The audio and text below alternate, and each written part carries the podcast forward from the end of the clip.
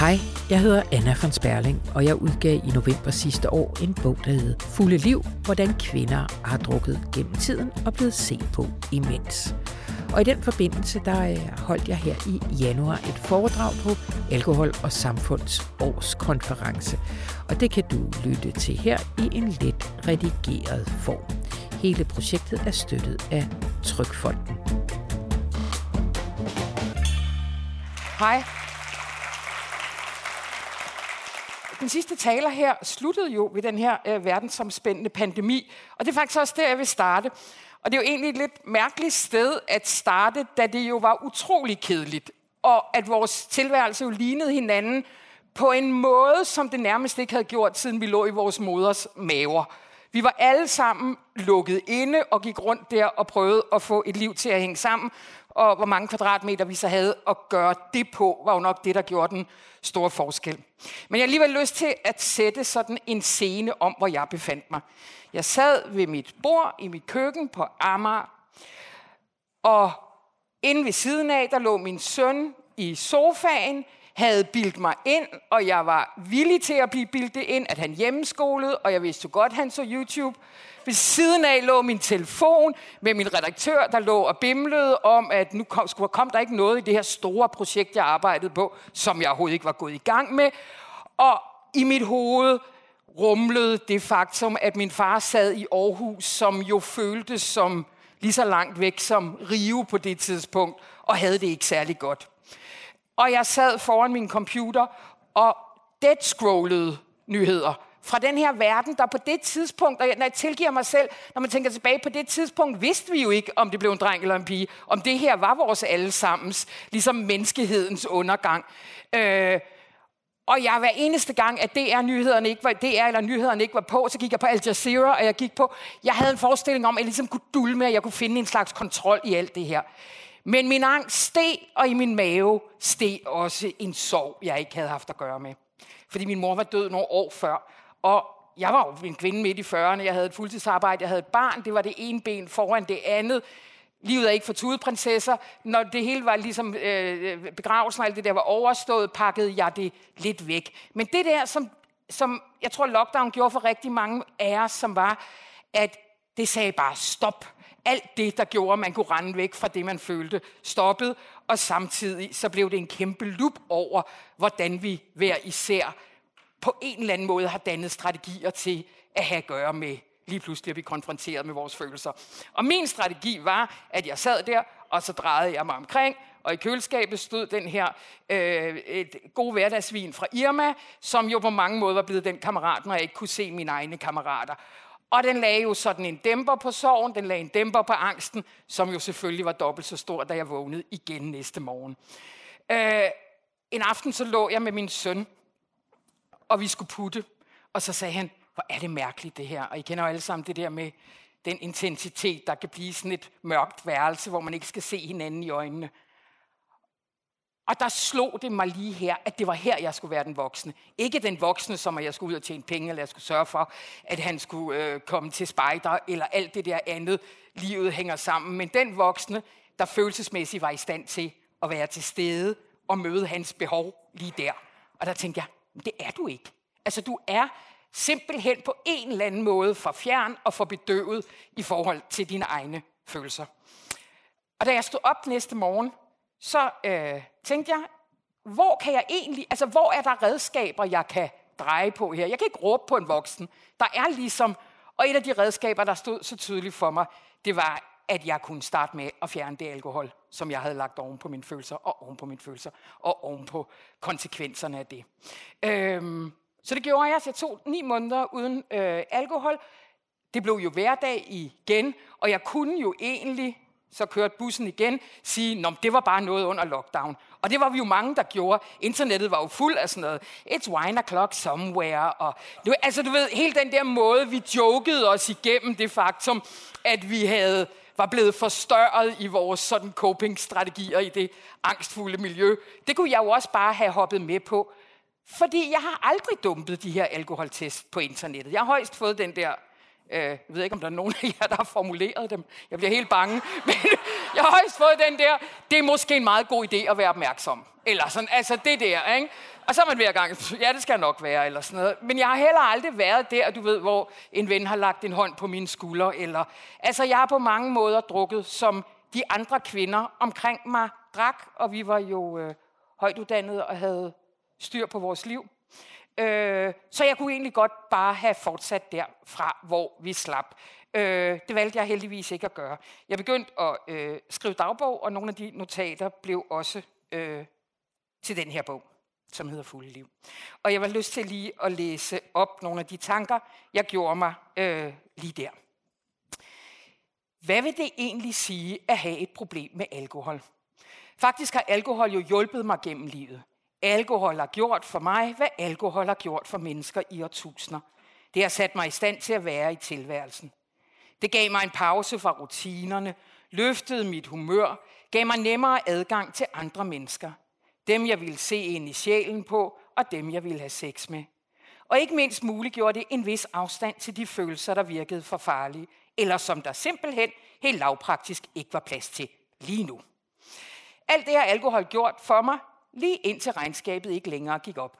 Ikke som en mur, der rammes, en bund, der nås, en vej, der ender, eller en af de andre metaforer, der skamrides, når vi taler om alkoholens problematiske sider.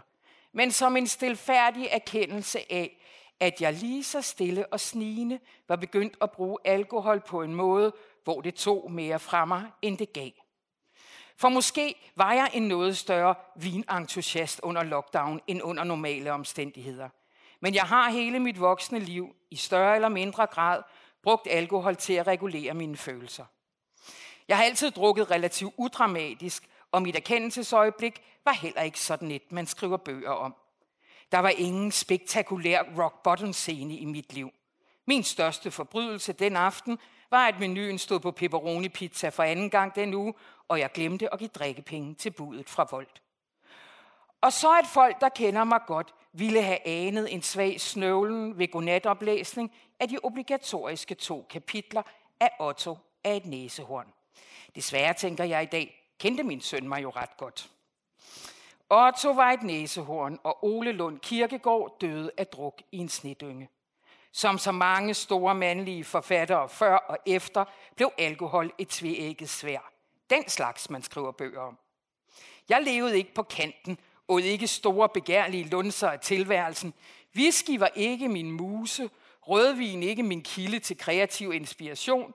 Jeg var en chardonnay-pimpende, midlertidig hjemmegående husmor, der for det ikke skulle være løgn, henslængte mine dage i en højrød velour housecoat fra 1980'erne, fundet på et loppemarked på Lolland.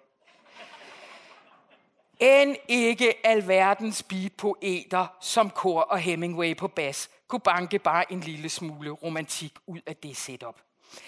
Jeg var en omvandrende kliché, der levede op til alle mine egne fordomme om en kvinde, der drak lidt for meget. Og min skam sad helt oppe i halsen.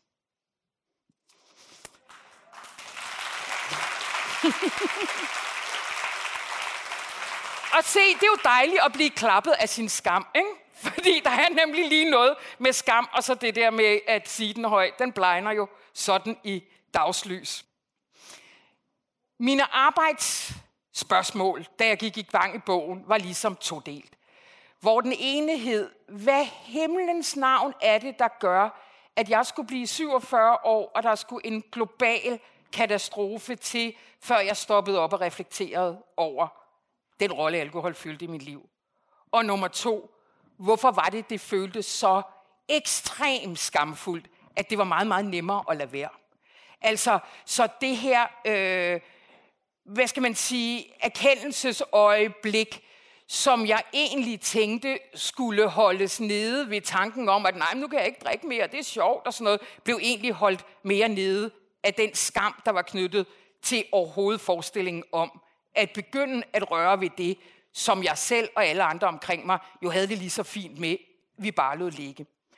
Og derfor begyndte jeg, hvis vi starter lidt med skammen, så begyndte jeg jo at reflektere over det her med, hvordan giver det mening at tale om skam i et kønnet perspektiv? For jeg havde en klar, klar fornemmelse af, at når det lige handler om skam, så bliver vi nødt til at dissekere det lidt mere.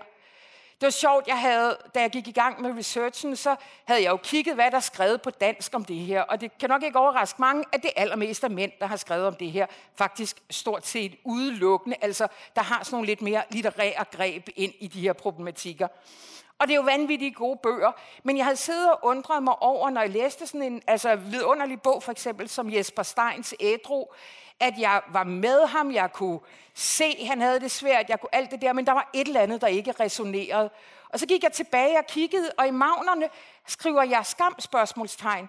Og det jeg kunne se, jeg gjorde, det var, at det jeg læste, det var, at jeg læste som skyld. Skyld og skam er jo sådan nogle øh, sjove følelsesmæssige tvillingepar, hvor at skyld handler enormt meget om, at, øh, eller handler primært om det her med, at der er noget, man har gjort eller ikke gjort. Hvor skam handler om, at der er noget, man er og ikke er. Og spørgsmålet var, om det, jeg læste i den mandlige skam, når jeg læste skyld ind i det, i virkeligheden handler om, at når vi taler om skam og skyld, i forhold til også alkohol, skam og skyld, bliver vi nødt til at gå på en eller anden måde et skridt bagved og se, hvad er det, vi er kodet til at skamme os over. Brené Brown, som jo egentlig er forsker, og nu jo i dag er meget, meget øh, veltjenende øh, øh selvhjælpsguru, TED-talker, hun har lavet noget meget interessant øh, forskning omkring det her med skyld og skam, hvor hun ligesom kigger på en gruppe studerende i USA, som, hvor at det, som mænd de unge mænd i virkeligheden fremhævede enormt som skamfuldt, det var sådan noget med ikke at være god til sport. Ikke at tjene penge nok til at kunne forsørge. Ikke at være den, der kunne passe på. Hvor det kvinder beskrev i høj grad, var det her med at være øh, forkert.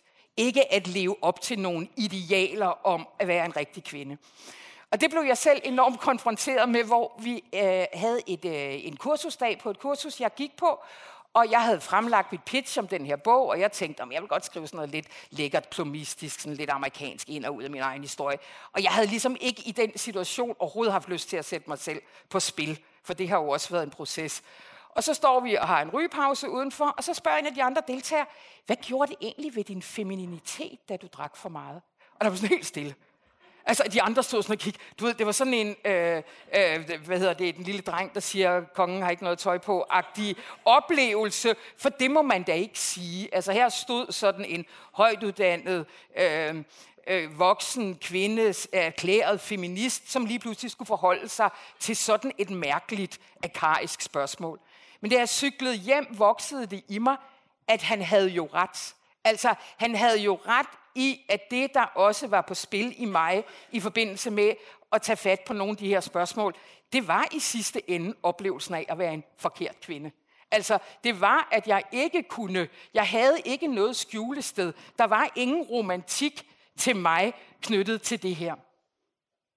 Og derfor så blev en del af min øh, efterforskning i det her projekt, blev også at sige, jamen kan vi se på historisk, hvad er det egentlig, der har skabt øh, forestillingen om den drikkende kvinde eller øh, hendes modstykke, som det jo nok der, den starter, idealet om den ædru kvinde. Altså at det var de to sådan historiske konstruktioner, der også var i spil i mit lille intime liv og mine egne kampe. Og det kan jeg lige vende tilbage til. Det var lige for at sige, at den anden del, jeg kunne mærke, jeg havde brug for at tage fat på, det var at forstå mig selv i min samtid. Jeg har kaldt det piger en drugtid. Og jeg har spurgt, om det overhovedet er muligt at tænke, at man kunne fjerne flere barriere og opstille flere øh, fristelser for at få en kvinde på flasken, end at føde hende i Danmark i 1973. Altså, fordi vi var lige inde på det i forhold til nogle af de tal, der er blevet sagt, og som I jo sikkert godt kender, at man kan jo egentlig, jeg ved godt, der er uenighed om det, hvor skabes den danske liberale alkoholkultur. Men hvis der er et år 0, så er der egentlig gode argumenter for at sige det i 1973, hvor det også får det her sidste skub med fjernelse af punktafgifter og alt det her. Men det er jo også i en tid med et børnesyn, der gjorde, at det selv fra Folketingets talerstol blev sagt, at det var meget godt, at børn lærte at drikke derhjemme. Og mine første oplevelser blev også sådan til audiens hos patriarken, hvor jeg fik, hvad hedder det, sådan noget, sådan noget øh, vaniljelikør ind med ske hos morfar og sådan noget. Ikke? Altså de der sådan meget sådan grundlæggende. Men jo også, at mine bedste forældres, kvinderne i mine bedste forældres generation, var jo de allerførste, der ligesom fik introduceret en drukkultur uden for den her øh, brændevin- og Bayers nation, da de hægtede campingvognen på bilen og første gang kørte til Sydeuropa og tog vinen med hjem, og skjoldburene så det og sagde, kvinderne også velkommen her. Og, altså, der blev skabt nogle, nogle rum, der ikke udelukkende var, var maskuline. Øhm, og så kommer jeg jo, altså, og min mor bliver så i høj grad, og hende synes jeg jo lige, vi skal øh, hilse på her, for hun hænger lige her. Det her, det er, hun hed Vibeke Sperling, og var også journalist, og det her billede, det er taget i 1962, da hun og fire veninder hopper i en gammel Volvo Amazon og kører ned gennem Europa. Og det var så vild en nyhed, at Skive Folkeblad havde det på forsiden. Fire skive piger gjorde Paris, stod der. Øh, og de gjorde en hel masse andet end Paris, har jeg siden hørt. Men det, som de, de blandt andet gjorde, det var jo... Og det, det her billede fandt jeg under lockdown, du ved, da jeg begyndte at rydde op i kælderen, som alle mulige andre. Og kunne lige pludselig huske, at hun også havde siddet og fniset over det, da hun viste mig det første gang. Fordi for mig er det jo sådan indbegrebet af den frihed, der også er knyttet til alkohol. De her store, grådige slurke af livet, som de her kvinder, født på kanten af krigen, jo var de første, der kunne gøre sådan i tryg afstand fra patriarken. De kørte bare deres vej. Altså, det var jo ikke, det var jo ikke set før. Og når jeg kalder den fulde liv, er det jo også fordi, jeg synes, det rummer den dobbelthed, som det her emne jo også har øh, skabt i mig igennem hele det her arbejde. At når jeg begynder at stille spørgsmålstegn ved det her, er det så i virkeligheden også, at jeg du ved, smider den kamp, som hendes generation af kvinder øh, lavede for retten til lige ret på arbejdsmarkedet, lige juridisk ret, lige øh, ret i sengen til god sex, til nydelse. Og det er jo det, det også er, og det er jo det, jeg synes, at øh, det billede også repræsenterer. Men det repræsenterer jo også for mig den anden side af det, for det der jo også blev klart, da jeg begyndte at kigge på min egen families historie, det var jo ud over sjov og ballade i, på Costa Brava, at der også var en masse, masse tungt lort knyttet til min mormors øh, druk. Og at det havde jeg aldrig hørt nogen sige højt i min familie. Vi har derimod utallige anekdoter om min farfars druk. Og det er jo sådan den der dobbelthed i, at selvfølgelig var det på mange måder sværere i starten af 40'erne, at det var far, der forsvandt øh, på druk, øh, fordi at det var ham, der kom hjem med pengene. Så på et niveau har det jo været vanskeligt. Men hvad er det, man siger, hvis man siger, at mor drak for meget? Så er der jo ingenting, der står mere. Og hvad, hvad siger man om en mor, øh, der drak for meget? Kan man samtidig sige, og hun var også en god mor. Altså kan man rumme den modsætning. Og derfor tænker jeg i dag, at mange af de kampe, der også har været i min familie, i min forældres generation mellem de tre søskende, måske også bunder i, at den her uudsagte ting om øh, mormor øh, ligesom hele tiden har, øh, har ligget der. Så det tænker jeg også ligger i det billede. Det er også det hjem, hun, hun flygter fra. Øhm, jeg fik også en masse af oplevelser Journalister er jo sådan nogen, der gerne vil sådan, så kan jeg lige skrive ind og ud af min egen historie. Og jeg tænkte, det bliver nok sådan en formgreb, jeg bliver nødt til sådan at vride den lidt og sådan noget. Og det jeg jo egentlig oplevede, det var, da jeg ligesom lagde min egen historie hen over den danske alkoholhistorie, så sagde det bare klik, klik, klik. Fordi jeg jo også bliver ung i 90'erne, ikke? hvor at der jo også sker en generel liberalisering af nattelivet, men også en feminisering af nattelivet. Lige pludselig bliver det sådan noget, kvinder kommer gratis ind på diskoteker, der er to for en øh, pris, hvad hedder det, øh, drinks til kvinder. Hele det der, samtidig med sådan en intoxikering. Altså, når, jeg, når vi snakker om unge druk i dag, så har jeg lyst til at sige, at de lærte æderbrandbrøl med os af de bedste, de helt unge, der vokser op nu, fordi sådan en gang generation X monster druk, som ligesom udfoldede sig i 90'erne, hvor der var grænseløshed. Altså, vi, vi ville skide på hvad som helst, medmindre det var sjovt. Altså, jeg synes, det er også et, en unik, øh, på alle mulige måder, når vi også taler om overskridelse af hinandens grænser, øh, et ikke særlig kønt tidspunkt i, øh, i den danske ungdomskulturs historie, men det er det jo virkelig heller ikke i forhold til alkohol, og I kender jo også, de drikker jo også mindre, end, øh, end vi gjorde. Så det var bare for at sige, at der var en masse erkendelser for mig at hente i det her med at kigge på min egen historie. Men min behov for ligesom at kigge dybere i den store historie, øh, var udover, at det var øh, den første erkendelse, var, at der er skrevet så utrolig, utrolig lidt om, hvordan kvinder har drukket nogensinde. En del kan jo undskyldes ved, at kvinder jo altid primært har drukket derhjemme, så det der, den samme udfordring, som kvindehistorikerne havde i 70'erne, med overhovedet at sige, hvad er kvinders liv, når det ikke udfoldede sig ude i økonomien eller inde i magtens centrum, dukker jo også op, når det, når det handler om, om kvinders øh, nydelsesmiddelforbrug.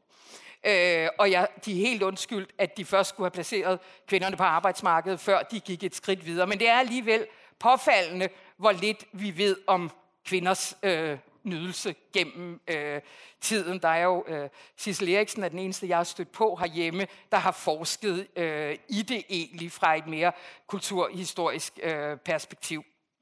Øhm, men det, som jeg ligesom kunne mærke, at jeg så måtte gøre, det var, at jeg ligesom måtte bevæge mig rundt. Og i hver af de her sådan, historiske nedslag, jeg lavede, blev der sådan en lille tære, pære tændt i mit hoved i forhold til, hvordan man egentlig kan sammensætte den her figur om den rigtige kvinde, som var hende, der ligesom kom i, i spil med min skam. Så jeg har, og det må I jo læse om, hvis I har lyst til, men du ved, laver sådan nogle øh, altså nedslag tilbage i, hvad er det egentlig, der sker, øh, da de øh, kvindelige brygmestre i særligt Nordeuropa på et tidspunkt bliver udraderet, og det bliver primært et mandligt erhverv. Hvad er det, der foregår i den der proces? Og en af de ting, der foregår, er jo, at hun bliver udråbt til heks. Altså, at der jo igen, som det jo ofte er i verdenshistorien, bliver skabt forestillinger og myter oven på noget, der egentlig afspejler nogle magtkampe om nogle ressourcer, på en markedsplads. Og det var jo det, der skete der. Og det er, mener jo i hvert fald øh, nogle historikere, at det er derfor, at heksen har en høj hat og en kost og en, øh, og en kat, at det var fordi den høje hat signalerede på markedet, at her kan du få øl. Altså så i virkeligheden hele vores ikonografi omkring heksen stammer fra det her forsøg på at udgrænse kvinder fra, fra, fra alkoholproduktionen. Og så op igennem selvfølgelig den store, sådan historiske, øh, måske verdenshistorisk øh, største, mest spektakulære alkoholbegivenhed, som er gin-epidemien i London, hvor man jo også ser i de gamle kovertryk, hvordan det at fremhæve kvinden som, som symbolet på, det her, på den her øh, kollaps af, af de britiske storbyer, ligesom bliver at skabe en helt anden type for moralsk panik over, at kvinden nu var begyndt at indtage alkohol i offentligheden. Og hvordan op igennem 1800-tallet, at vi jo ser for eksempel i USA, hvordan i høj grad alkohol bliver begyndt at blive udskrevet som medicin til kvinder for alle mulige dårligdomme, men ikke mindst til selve ubehaget ved at være kvinde. Altså alt, hvad der ligesom knytter sig til de reproduktive organer og sådan noget. Og det der med at begynde at kigge på dem her og sige, hvad er det, der egentlig er i spil? Fordi i hele den her historiske periode sker der de her kæmpe omvæltninger med industrialiseringen, kapitalismen og urbaniseringen, der følger med. Så alt eksploderer jo. Alt det, der har holdt sammen på samfundet, er ligesom i spil. Og gaderne ligesom bliver et sted, hvor migranter bevæger sig frit. Alt det her. Så det her behov for at finde noget kontrol ind i det her, bliver forestillingen om den ædru kvinde, den ædru middelklasse kvinde, enormt centralt. Fordi man kan sige, underklassekvinden, øh, migrantkvinden var i forvejen ligesom tabt til også en øh, hvad skal man sige, seksualitet, som var løbet løbsk og sådan noget. Overklassekvinden var dekadent og sådan noget. Men det, der ligesom blev målet, det var, at vi må holde middelklassekvinden ædru. Fordi hun skulle være bærer af det øh, ligesom, øh, moralske netværk, man ikke længere havde i landsbyen, og med præsten lige om hjørnet og sådan noget. Men hun skulle jo også holde manden ædru, fordi vi havde jo altså nogle fabrikker, der havde brug for noget arbejdskraft. Altså, så manden måtte godt drikke noget, men han skulle jo gerne kunne komme op næste dag og på arbejde. Så det her arbejde med at konstruere en måde, at kvinden holder sig rimelig ædru som et fuldstændig afgørende del af det her med, øh, at vi kan få et samfund til at hænge sammen. Synes jeg for mig var utrolig øjenåbende, fordi man jo også kan sige helt op til i dag, jeg kigger blandt andet på det her med binge-epidemien, det kalder de nogle gange inden for britisk alkoholforskning, altså i, i nullerne blandt andet. Hvordan for eksempel billedet af bænkpigen, en ung pige, der sådan ligger dejset om i, i, på en bænk i, i Bristol, bliver det billede, som de britiske medier stort set altid putter på enhver historie, der knytter sig til alkohols problematiske sider, uanset om det handler om gamle mænd eller en ny national undersøgelse et eller andet, fordi det er indbegrebet af alkoholens aller værste sider. Det er den, når man taler om moralske panikker, så siger man jo ikke, at det ikke er et problem. Så siger man bare, at der er alle mulige andre samfundsmæssige ængsteligheder, der er i spil. Og det her med den unge kvinde, der ligger væltet om at druk, er ligesom indbegrebet af hvad skal man sige, en hel masse andre typer hensyn, fordi man kunne jo sagtens argumentere for, at kvinder altid alle steder, også i England, drikker mindre end mænd at de gør mindre skade, for eksempel. I hvert fald er de mindre på skadestuerne, eller, øh, eller mindre i fængslerne og sådan noget. Men alligevel er der en optagethed af den drikkende kvinde, og ikke mindst her senest den unge drikkende kvinde, der på en eller anden måde har ekoer også tilbage til den epidemien i, øh, i London. Så det var altså nogle ting, der ligesom gav for mig nogle små brækker til også at forstå, hvad var det, jeg var i indre dialog med, øh, når det handlede om den her skam. Og lige bagefter kom spørgsmålet så også for mig. Altså, hvad er det? Altså, jeg vil først og fremmest sige, det her det er ikke... Øh, jeg har på intet tidspunkt tænkt, at jeg har skrevet en debatbog. Altså, jeg er blevet spurgt flere gange sådan, hvad vil du gerne med den der? Altså, hvad? Og jeg er sådan, det, jeg har ikke noget sammenhængende argument for noget som helst, hverken for at drikke, øh, hverken mere eller mindre. Øh, men en af de ting, jeg kunne mærke i mig selv i arbejdet med det her, det var, at jeg var inde og røre ved nogle kæmpe dilemmaer øh, hos mig selv, knyttet til det her med friheden, øh, ligestillingen, øh, alle de ting, som jeg har fundet så øh, afgørende for mig som værdier, som det her spørgsmål udfordrer. Jeg har et kapitel, hvor at jeg beskriver, apropos 90'erne, et overfald, jeg var ude for på Istegade, da jeg var ganske, ganske ung. Jeg havde glemt mine nøgler, selvfølgelig skide fuld i et, øh, hvad hedder det, øh, på et værtshus, og øh, der var ikke mobiltelefoner, og jeg måtte have en krone for at ringe op til en sambo. Og jeg havde ikke nogen penge jo, så jeg bummede en af en fyr, der hang på et gadehjørne. Og da jeg ikke kom igennem og gik ned ad gaden, så gik han efter mig, der var heller ikke låste baggårde på det tidspunkt. Det ved jeg ikke, om der er kvinder, der voksede op i 90'erne. Det var en helt anden intensitet at gå der en sen øh, nat øh, forbi de der åbne baggård. Og jeg blev så også hævet ind i en baggård.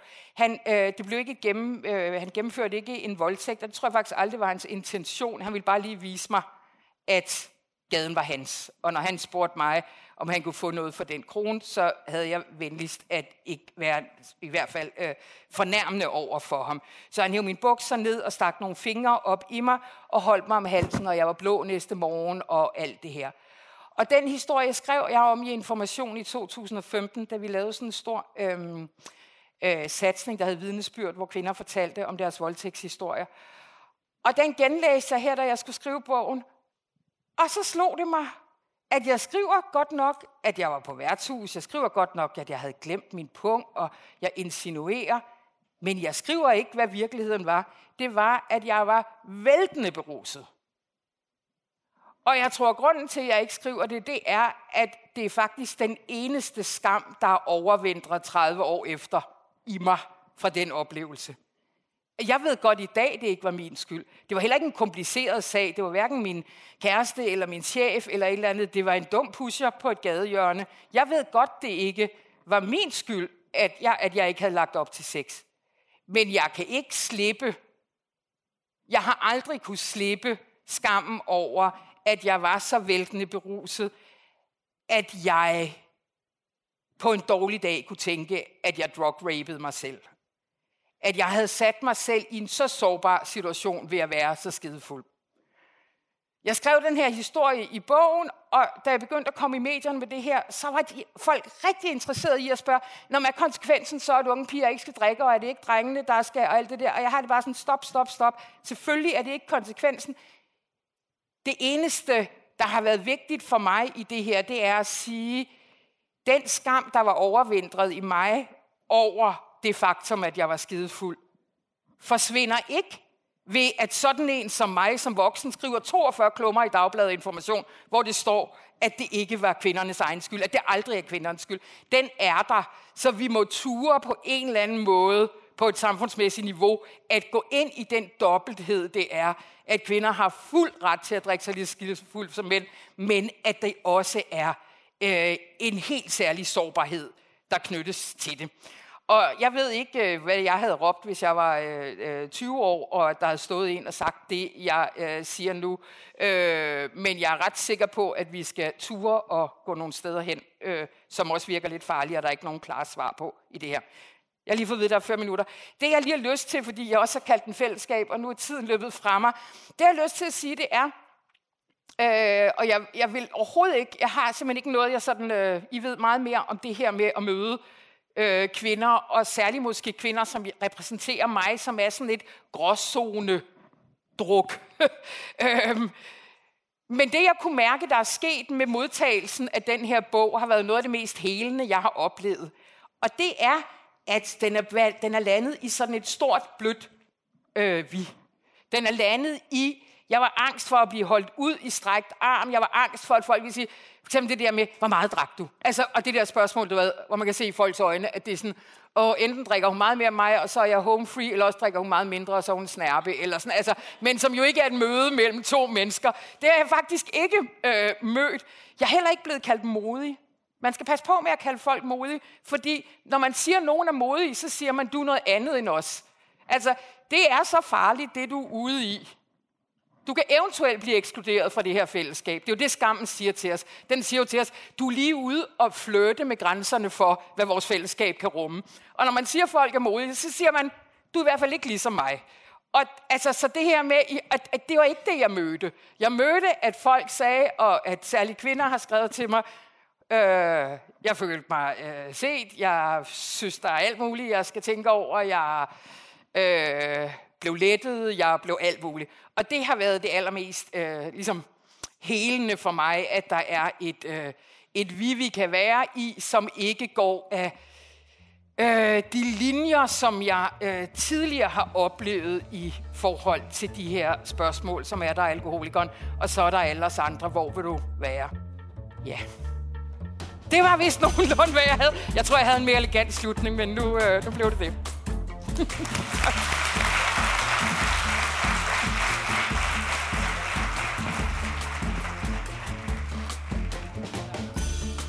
Tak fordi du lyttede med til det her foredrag afholdt på Alkohol og Samfunds årskonference. Projektet er støttet af Trykfonden.